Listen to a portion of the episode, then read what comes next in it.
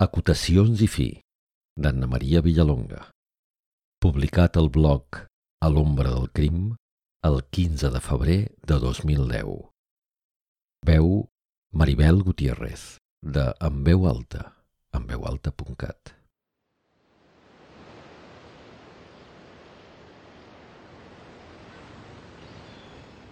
Platja d'arena clara, deserta i silent a la tarda hivernal una figura fosca. Camina entre les algues que arriben a la vora amb les onades tèrboles.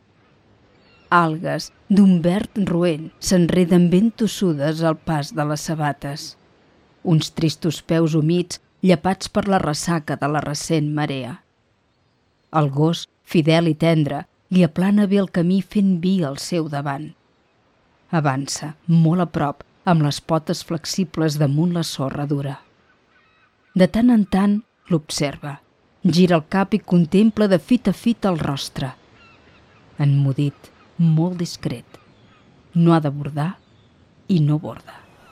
Conscient del seu paper, només la mira i calla.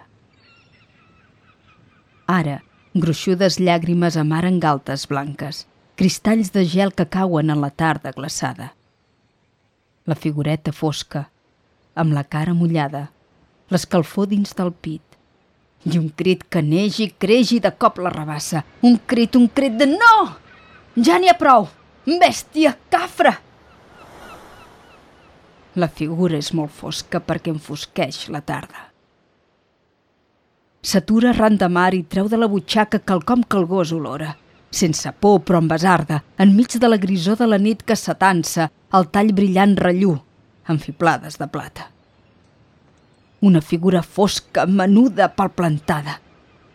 Davant la mar immensa i la sot de l'oratge, ja n'hi ha prou per sempre! Maleït, bèstia, cafra! I amb un gest imperial, gest de dona que mana, llença a l'aigua aquell tall que té d'ell sang i ànima. Una figura fosca que s'allunya en la platja sent les algues als peus i la gelor de l'aire. De cop, comprèn, feliç. Mai més no serà esclava. Pot descansar, somriu i respira i s'exalta. Com un nou manelí que allà a la terra baixa, ella ha matat el llop. Per sempre, deslliurada. I el seu gos tan content que se la mira i lladra.